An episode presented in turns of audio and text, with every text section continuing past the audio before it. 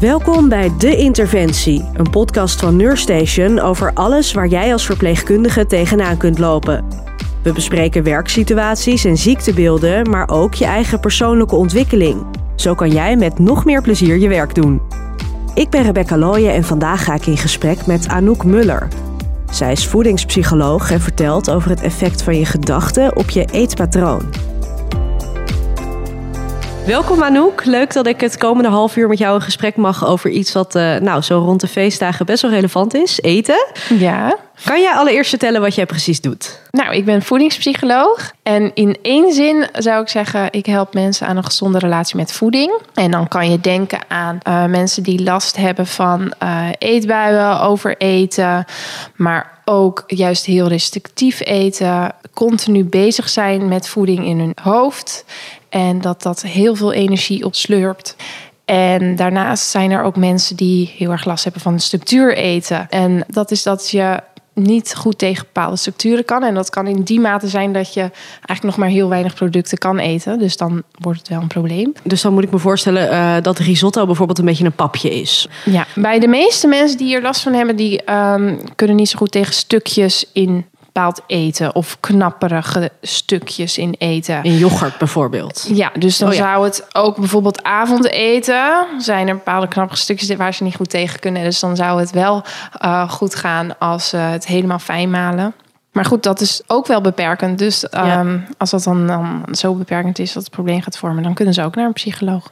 Ja, en wat is dan het verschil tussen wat jij doet en wat een diëtist doet? Uh, een diëtist is vooral toegespitst op kennis over voeding. Die weet heel goed wat gezonde voeding is en die kan een dieet meegeven. Ik doe dat niet. Ik geef geen dieet mee, juist niet. Ik ben meer bezig met waarom eet je zoals je eet en hoe kun je inderdaad dus gaan eten zoals je wil gaan eten. Echt de kernoorzaak van waarom we zo eten. Ik kijk wel altijd mee met mensen van um, ja, wat voor eetpatroon zou bij jou passen. Maar leidraad daarin is eigenlijk hoe jij zelf wil gaan eten. Hoe zie jij het zelf voor je? Wat past bij jouw levensstijl? Want dat verschilt voor iedereen. Um, wat is haalbaar? Maar ook wat geeft jouw lichaam aan dat je nodig hebt? En dan komen we op intuïtief eten. Dat is uiteindelijk um, het doel ook, omdat jij heel goed gaat luisteren naar je lichaam. Die kan uitstekend aangeven wanneer jij trek hebt, wanneer jij vol zit. En als je daar meer naar gaat luisteren, dan um, ga je echt op een manier eten die past bij jou. Ja, en krijg je dus een gezondere relatie met voeding. Ja. Ik kan me voorstellen dat als je nu uh, bij wijze van spreken uh, elke avond een zak chips uh, wegeet en, en eigenlijk alleen maar witte broodjes met hagelslag eet, dat je dan niet in één keer een enorme verandering maakt, maar dat je dat misschien mm -hmm. afbouwt. Ja, dat is ook het grote verschil eigenlijk tussen een dieet en als je bij mij de voedingspsycholoog komt. Bij een dieet is het vaak in één keer bam, je gaat helemaal gezond eten volgens nou ja, een schema, het schema ja. dat daarbij past. En bij mij, ik begin echt waar jij nu staat. En kijk inderdaad van waar sta je nu en hoe kun je stapjes zetten. Um, waarom doe ik dat? Het is soms wel minder satisfying. Het voelt minder lekker, want um, het voelt niet gelijk alsof je supergoed bezig bent. Mm -hmm. Waar je bij een dieet soms wel in eerste instantie in een lekkere flow komt. Maar, maar bij een dieet val je vaak terug, toch?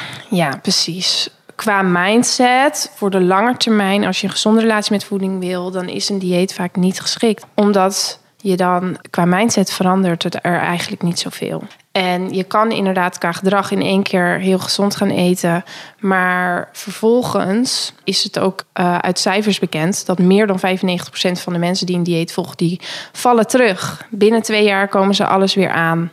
Um, en soms meer. Dus het is succesvol, alleen langer termijn vaak niet. Als en het is ook vaak lastig, toch? Um, op het moment dat jij bepaalde dingen niet mag eten, dan wil je ze volgens mij alleen maar meer. Ja, klopt. Ja, dat is dus een van de dingen waarom een dieet niet past eigenlijk bij de psyche van de mens. Voor heel veel mensen is dat het sabotagepatroon eigenlijk omdat je een hele tijd van alles niet mag, die overtuiging elke keer hebt. Daardoor bouwt er een spanning op en na een tijdje ga je. Wijk je één keer af en dan ben je vaak weer terug bij af. En dan, dan gaat diegene juist overeten. En dat nou ja, hoor je heel vaak van ja. mensen. Dat ze dan juist heel veel gaan eten. En dat is natuurlijk niet wat je wil. Wat bijna iedereen wil, is niet nooit meer snoepen. maar met mate. Ja. Dus heus wel eens een keer wat ongezonds eten is prima, maar met mate. Maar dat lukt dan niet. En dat komt vaak ook omdat er een bepaalde overtuigingen zijn ontstaan die dat saboteren. En dat is ook waar we naar op zoek gaan. Als voedingspsycholoog ga ik daar met uh, de cliënt naar op zoek. Welke overtuigingen zijn er bij jou en welke saboteren jou? Um, en juist door meestal de eerste dieet die je hebt gedaan, is, zijn die eerste sabotageovertuigingen ontstaan. Kan je eens een voorbeeld van zo'n sabotageovertuiging uh, geven? Nou, als jij overtuigd bent dat jij, als jij één keer een koekje neemt, dat het allemaal mislukt is en dat het allemaal geen zin meer heeft. Dat jij je niet kan inhouden als jij chocola eet. Als jij dat volledig gelooft. Ja, het grappige is, jouw brein, die is er ook op ingesteld. Als jij iets gelooft, dan wil hij daar bevestiging voor. Gaat hij daar bevestiging voor zoeken. Dus dan gaat het eigenlijk, ja, onbewust ga je dat ook doen. Terwijl je dat rationeel weet je prima, dat wil je helemaal niet. En dat ene koekje hoeft ook helemaal niet erg te zijn. Maar... Nee. Ja. Maar inderdaad, als het dan het hele pak wordt, dat is waar mensen meestal wel een probleem mee hebben. En um, dat hangt heel erg samen met overtuigingen. Maar daarnaast ook uh, emoties die uh, betrokken zijn bij bijvoorbeeld het pak koekjes wat nu een heel mooi voorbeeld is, is eigenlijk de kerstkransjes en alle kerstkoekjes en snoepjes die je in de winkel ziet liggen. Ja, ik denk dan als ik dat koop, oh, vanavond gezellig.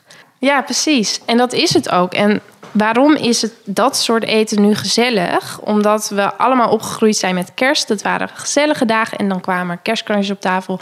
Allemaal lekker eten. En nu, wanneer we dat eten zien, hebben nog steeds die associatie met die gevoelens. Met die gevoelens van warmte, gezelligheid, liefde, kaarsjes aan. En kijk, koekjes zit suiker in. Daar krijgen we sowieso een, een gelukshormoon van. Dus een geluksmomentje van. Maar daarnaast is het nog veel meer beladen en lekker en fijn. Omdat we al die fijne emoties hebben bij die koekjes. Het is al een paar keer voorbij gekomen, een gezonde relatie met voeding. Ik denk dat die term voor veel mensen toch een beetje een vaag begrip is. Kan je eens vertellen wat een gezonde relatie met voeding nou eigenlijk inhoudt? Ja, je hebt eigenlijk twee soorten drijfveren om te eten. En dat is uh, dat je benzine, brandstof nodig hebt, zo noem ik het maar. Hè, als we niet eten, dan gaan we dood.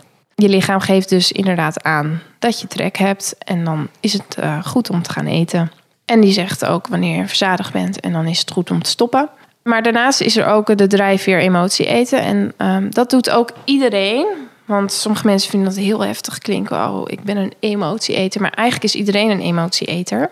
Oh, is het maar om dat stukje taart bij een verjaardag voor de gezelligheid dus. Ja, ja, precies. Dus in zekere mate is het bij iedereen zo. En wanneer wordt het een probleem? Als het uh, de, de grootste factor drijfveer wordt waarom jij eet. En als dat inderdaad um, ook het hongergevoel gaat overroelen. Dus dat jij nog steeds emotie gaat eten wanneer je eigenlijk verzadigd bent. Maar wat ik vooral een belangrijke leidraad vind van wanneer heb je een ongezonde relatie met voeding, is wanneer jij merkt: hé, hey, ik heb er last van. Wanneer jij merkt, ik denk er veel aan, het kost me veel energie, dan heb je in zekere mate wel een ongezonde relatie met voeding. En dan hoef je nog geen eetstoornis te hebben. Want, nee, dat is heel iets anders, denk ik. Nou ja, heel iets anders valt mee. Kijk, um, als een ongezonde relatie kan steeds ongezonder worden. En op een gegeven moment kom je dan over die drempel dat je zegt: Oké, je hebt een eetstoornis. Mm -hmm. Maar er is nog inderdaad een hele fase daarvoor waarbij je wel problemen kan ervaren met voeding. Er last van hebt, eetgedoe hebt. Nou hebben ook veel mensen uh, met die kerstkransjes bijvoorbeeld, of de chocoladeletters, um, daarna een slecht gevoel erover. Of met het kerstdiner volgende week. Dan heb ja. je drie dagen uh, gezelligheid. Uh, van brunch naar avondeten, naar desserts. Zit je helemaal vol. Super gezellig, hartstikke lekker. Maar daarna voelen veel mensen zich schuldig. Ja. Hoe komt dat? Er wordt eigenlijk best wel, uh, als je slank bent, word je geprezen. In algemene zin, hè. natuurlijk zijn uitzonderingen. Als je zwaarder bent, dan uh, wordt er minder van gedacht. Dus er wordt ook inderdaad minder van gedacht als je veel snoept. En um, dat is ook aangeleerd om je schuldig te voelen over koekjes, want dat is ongezond. En ja, dat is waar. Een koekje is meestal ongezond. Maar het is niet zo'n ramp als jij gewoon een gezonde basis hebt. Dan kan jouw lichaam dat prima aan. Dus dat schuldgevoel loslaten, dat is ook een dingetje hoor. Dat is ook lastig. En dat is wel ook juist wat nodig is om in uh, nou ja, dat patroon te krijgen. Dat je gewoon oké bent met een koekje eten, met een chocolaatje eten. Ja, maar het dan ook niet te veel gaan doen. En inderdaad dan niet daar juist uh, het hele pak op moet. Maar het lijkt me lastig om die balans te vinden. Om er wel oké mee te zijn, maar niet er zo oké mee te zijn... dat je dus wel dat pak op eet en denkt... nou ja, mag toch ook een keer. Ja, ja dat is ook lastig. Want het, het verschil zit hem in hoe het voelt. Het ene doe je eigenlijk vanuit sabotage... en het andere doe je vanuit gewoon liefde voor jezelf, uh, lekker genieten. En het lastige is, je kan jezelf heel goed voor de gek houden en inderdaad zeggen: nee, maar dat hele pak koekjes, dat is lief voor mezelf, want daar heb ik zin in. Ja, zou je denken, dat is ook lief voor mezelf. En dat is iets wat in de gesprekken, als je uh, bij mij als voedingspsycholoog uh, komt, ook langskomt, dan ga ik dingen vragen om erachter te komen van, deed jij uh, ongezond eten vanuit sabotage of deed je het vanuit uh, gewoon een rationele keuze en je geniet ervan en je hebt er geen schuldgevoel over. En dan is het helemaal oké. En dat ga je steeds meer doen. Dus waar je vanaf het begin misschien 80% van wat je eet in sabotage-modus zit. Dat is veel, 80%? Ja, nou ja, het is niet uh, uh, heel bijzonder. Dat komt heel vaak voor. Man 80%. Ik bedoel, vanuit sabotage-modus kan je dus overeten. Maar je kan ook vanuit sabotage-modus heel weinig gaan eten, gaan compenseren. Dus dat is het interessante. Dus dan hebben we het ook bijvoorbeeld over... Uh, ik neem bewust maar één cracker bij de lunch... want ik heb uh, uh, vanmorgen die brownie gegeten onderweg met de trein. Ja. Dat is dan eigenlijk ook weer sabotage eten. Ja, want als jij dat eigenlijk doet om jezelf te straffen bijvoorbeeld... of inderdaad... te compenseren. Ja, ja, je voelt je slechter over, want het is niet goed. En dan gaat het ook vanuit een negatieve energie. En dat is ook sabotage wanneer je een gezonde maaltijd voor jezelf bereidt, omdat je jezelf gewoon goed wil voeden en je vindt het lekker. Ik bedoel, er zijn genoeg maaltijden die gezond Tuurlijk. zijn en lekker. Ja. Daar is ook eigenlijk bijna iedereen wel over eens. Um, dan is het vanuit een gezonde relatie met voeding. Maar ook omdat iemand trakteert op het werk en jij neemt dat stuk taart. En je hebt ook inderdaad trek, je hebt er zin in. En je gaat dat eten en je gaat er volledig van genieten zonder schuldgevoel. Dat is ook vanuit liefde en een gezonde relatie met voeding eten. Het heeft niet zoveel te maken met wat je eet, maar wat voor gevoel zit erachter. En als jij dat steeds beter gaat herkennen en overtuigingen gaat veranderen, ga je nou ja, naar 80% vanuit liefde eten in plaats van vanuit sabotage. En is dat dan ook het intuïtief eten? Ja, dat, dat is eigenlijk wat er overblijft mm -hmm. als dat hele sabotage eten wegvalt. Als jij niet meer restrictief uh, allerlei regels voor jezelf, vanuit afkeuring eigenlijk voor jezelf, um, hebt, als jij niet meer uh, allerlei eetbuien hebt vanuit omdat je te veel restricties had eigenlijk. Of vanuit een gevoel van nou, het, het heeft toch geen zin meer. Ja, ja, precies. Dat is ook een die heel vaak voorkomt. Het heeft allemaal geen zin meer, laat maar. En uh, het gaat mij toch niet lukken. En dan ga je juist overeten of allemaal ongezonde dingen eten. Mm -hmm. Dat is echt duidelijk vanuit sabotage. Nou ja, als dat wegvalt, dan hou je eigenlijk alleen nog maar intuïtief eten over. Want dan ga je weer voelen, hey, dan heb je van nature hebben we allemaal eigenlijk alleen zin in eten wanneer we trek hebben. En van nature hebben we ook geen zin om echt heel veel koekjes te eten. Het lijkt mij zo eng eigenlijk om die teugels los te laten. Ik denk dat heel veel ja. mensen dat hebben als je dit hoort. Van oh, ja. we moeten juist heel erg letten op wat we eten. En als we dan die teugels loslaten, voor hetzelfde geld eet ik ja. alleen nog maar dat soort dingen. Het is goed dat je dat benoemt. Want dat is ook echt wat heel veel cliënten ook hebben als ze bij mij beginnen. Van, huh, moet ik mijn teugels loslaten? Maar dan ga ik over eten. Maar dat was het oude patroon vanuit restricties. En het is ook wel goed om aan het begin nog wel wat structuur uh, mee te geven. En het is soms wel het slimste om aan het begin, uh, als jij een bepaald craving food hebt, om dat even niet in huis te halen. Want dan heb je nog zo die gewoontes erin en dan zijn ze nog heel sterk. En gaandeweg werken we eraan om die gewoontes uit te krijgen. Ga je overtuiging veranderen. Gaat jouw vertrouwen groeien in van hé, hey, inderdaad, het is zo. Ik krijg minder trek daarin. Het is niet zo moeilijk als ik dacht. En als je daar bent, dan kun je ook, dat is juist leuk. Dan zeg ik ook vaak, nou ga experimenteren met een keer wel die chocola in huis halen. Kijken wat er gebeurt. Vind je het inderdaad dan zo lastig om het niet in één keer op te eten? Ja. En dan krijg je dus dat je een zak KitKats kan kopen zonder dat ze in een weekend opgaan, zeg maar. Ja, ja, precies. Dat je op een gegeven moment hem achter in de kast vindt. Dat je dacht, oh ja, die had ik nog. Ja, ja, hoe leuk is dat? Ja, precies. Gewoon mensen die inderdaad dol blijven vertellen aan mij. Nou, die reep chocola. Vroeger had hier nog geen dag gelegen.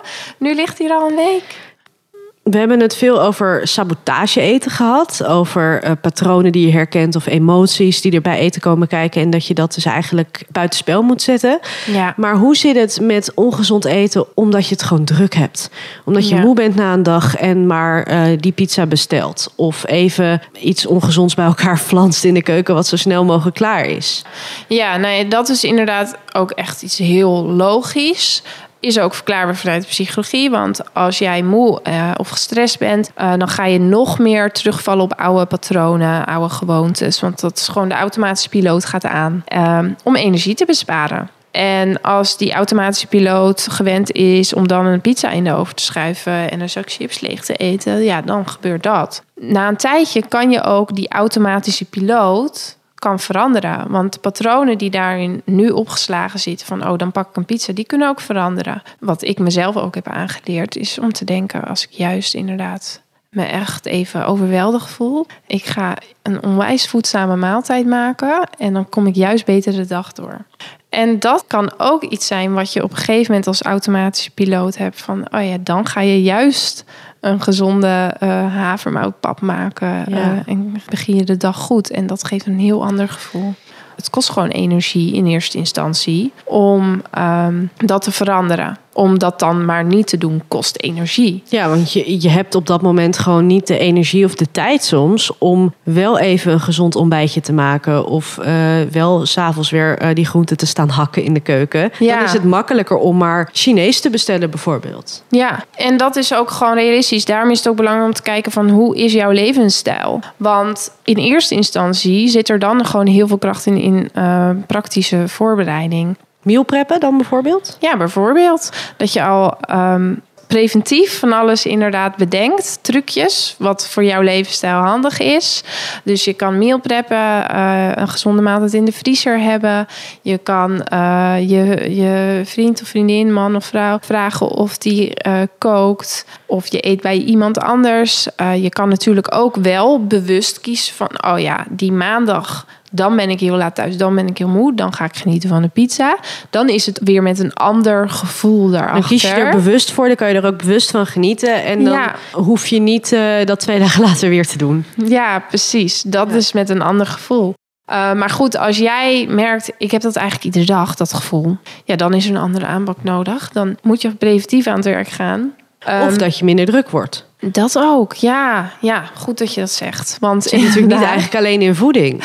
Als het inderdaad gewoon altijd zo is, ja, dan is het ook goed om te kijken, eh, zijn er dingen in het leven die je kan veranderen? Wat heb jij in je handen? En dat is vaak meer dan je denkt om te veranderen, zodat jij gewoon meer rust in je leven hebt, minder stress hebt. Um, want daar zit ook heel veel kracht in. Sommige mensen vinden een andere baan en opeens hebben ze geen probleem met eten meer. Zit het hem eigenlijk gewoon daarin dat ze altijd te veel stress hadden, te vermoeid. En kan alleen die factor er al voor zorgen dat het helemaal verandert. Ja.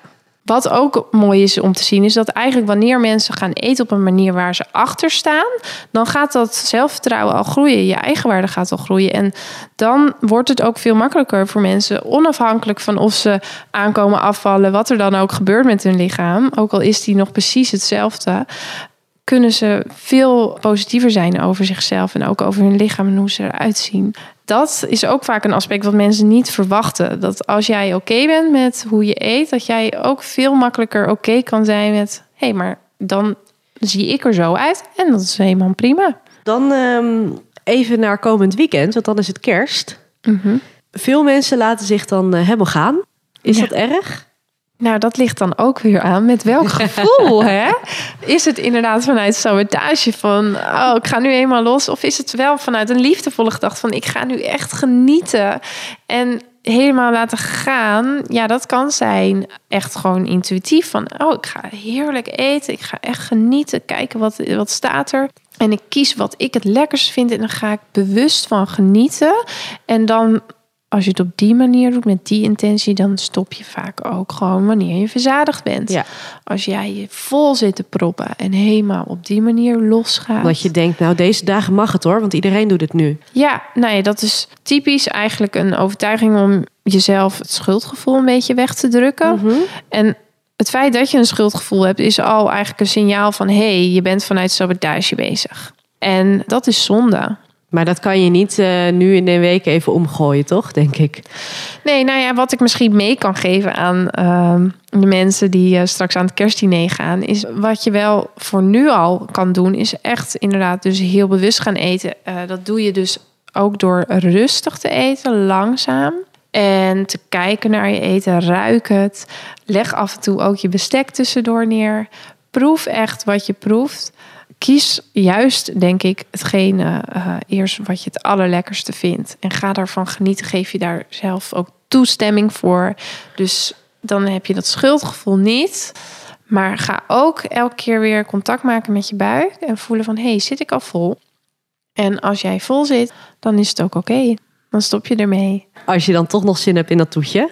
Als je dan toch nog zin hebt in een toetje, misschien had je dan eerder moeten beginnen met het toetje. Ja. Dat is dus ook dieetregels loslaten en eetregels loslaten is soms heel uh, behulpzaam om een gezonde relatie met voeding te krijgen. Joh, als jij het toetje het lekkerst vindt, misschien moet je ermee beginnen.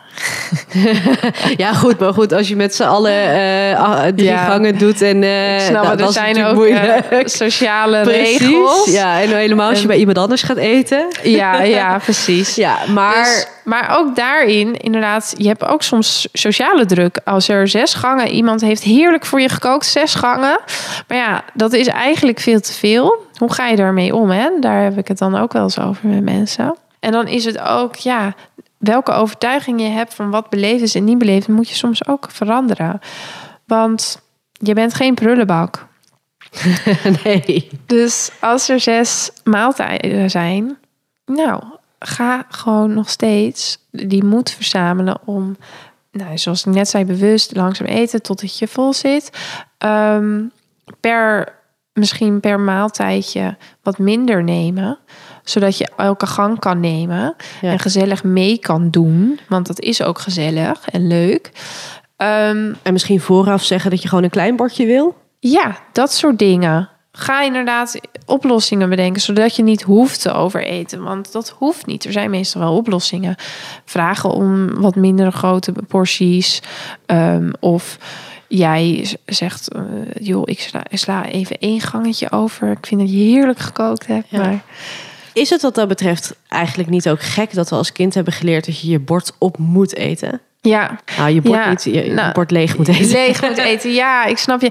Nee, dat is eentje die ook heel vaak voorbij komt. Want dat is inderdaad wat we allemaal leren. En dan leer je om niet te luisteren naar je verzadigingsgevoel. Ja. Uh, om daar overheen te gaan. Om maar gewoon met je hoofd te beslissen dat je dit moet eten. En uh, dat is dus zo'n regel, die mag je loslaten. Ik bedoel, zeker als je nu volwassen bent en het ja. dient je niet, zo'n regel, laat het lekker los. En dus misschien ook voorbeelden die je bij kinderen nu anders zou kunnen aanpakken dan hoe het bij jou vroeger thuis ging. Ja. En dan um, na die feestdagen zijn er ook veel mensen die natuurlijk uh, gaan overcompenseren. Die dan denken, nou dan eet ik even wat minder en alleen maar salades. Ja. En is dat uh, ook niet slecht?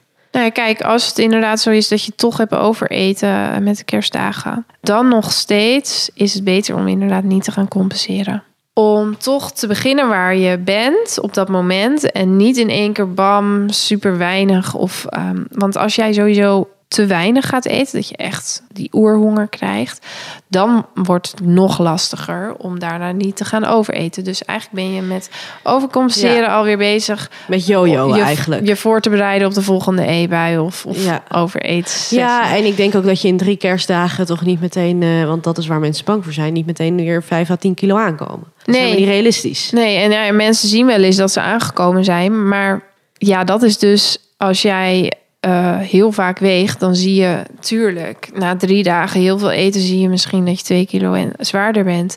Maar dat zegt niks. Als je gaat uitzoomen en over een heel jaar kijkt en jij hebt die drie dagen inderdaad misschien overeten, dan heeft dat uiteindelijk geen invloed op jouw gewicht als je over een heel jaar gewoon kijkt. Precies. Het heeft waarschijnlijk, als ik jou zo hoor, misschien meer effect juist als je gaat compenseren op je gewicht. Omdat je dan zo'n periode veel langer uitspreidt en weer in minder gezonde patronen valt. Dan het gewoon te accepteren en ervan te genieten. En uh, uh, ook gewoon die oliebol met oud en nieuw weer te nemen de week daarna. Ja, precies. Probeer dan ook gewoon uh, ja, je maaltijden weer te eten. De basis kan je thuis weer gezond doen. Maar met oud en nieuw neem je weer die oliebol. Ja, ja. lekker. Ja, en geniet ervan. Ja. nou, dan tot slot, wat zou jij vanuit jouw expertise mee willen geven aan zorgverleners? Nou ja, die hebben ook heel vaak natuurlijk te maken met onregelmatige tijden. En vermoeidheid kan ik uh, me voorstellen als gevolg daarvan. En dan is het ook wel heel belangrijk om gewoon organisatorisch goed bezig te zijn. Dus echt de vermoeidheid voor te zijn. En al um, een makkelijke maaltijd die toch gezond is, waar je toch goed bij voelt, voor te bereiden. Of er zijn trouwens ook wel makkelijke, snelle opties die niet per se ongezond zijn. Uh, of iemand anders laten koken. Ga echt van tevoren al uh, bedenken hoe je zo'n dag gaat indelen. En um, welke eetmomenten er wel mogelijk zijn met jouw uh, ritme. En dan ben je dat al voor.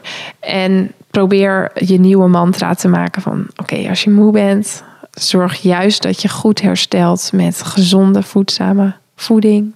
En uh, als dat niet lukt, kun je naar een voedingspsycholoog voor een beetje hulp. Ja, nou en, uh, en ik denk wat je ook al zei, uh, leer gewoon genieten van eten in plaats van daar emoties ja. aan te verbinden. Ja, want je kunt ook heel intentioneel heel erg genieten van uh, een gebakje. En sta jezelf dat dan ook toe. Want uh, als jij het jezelf verbiedt, dan gaat dat weer het hele visueuze cirkeltje van sabotage activeren. Je luisterde naar De Interventie, een podcast van Neurstation. Wil je meer weten over een gezond eetpatroon of andere vakverhalen lezen? Kijk dan op neurstation.nl. Vond je deze aflevering nou interessant? Laat dan vooral een review achter en deel hem met je collega's. Dit was alweer de laatste aflevering van dit seizoen. Wil je als eerste op de hoogte zijn van nieuwe afleveringen? Volg ons dan op sociale media of abonneer je op onze nieuwsbrief.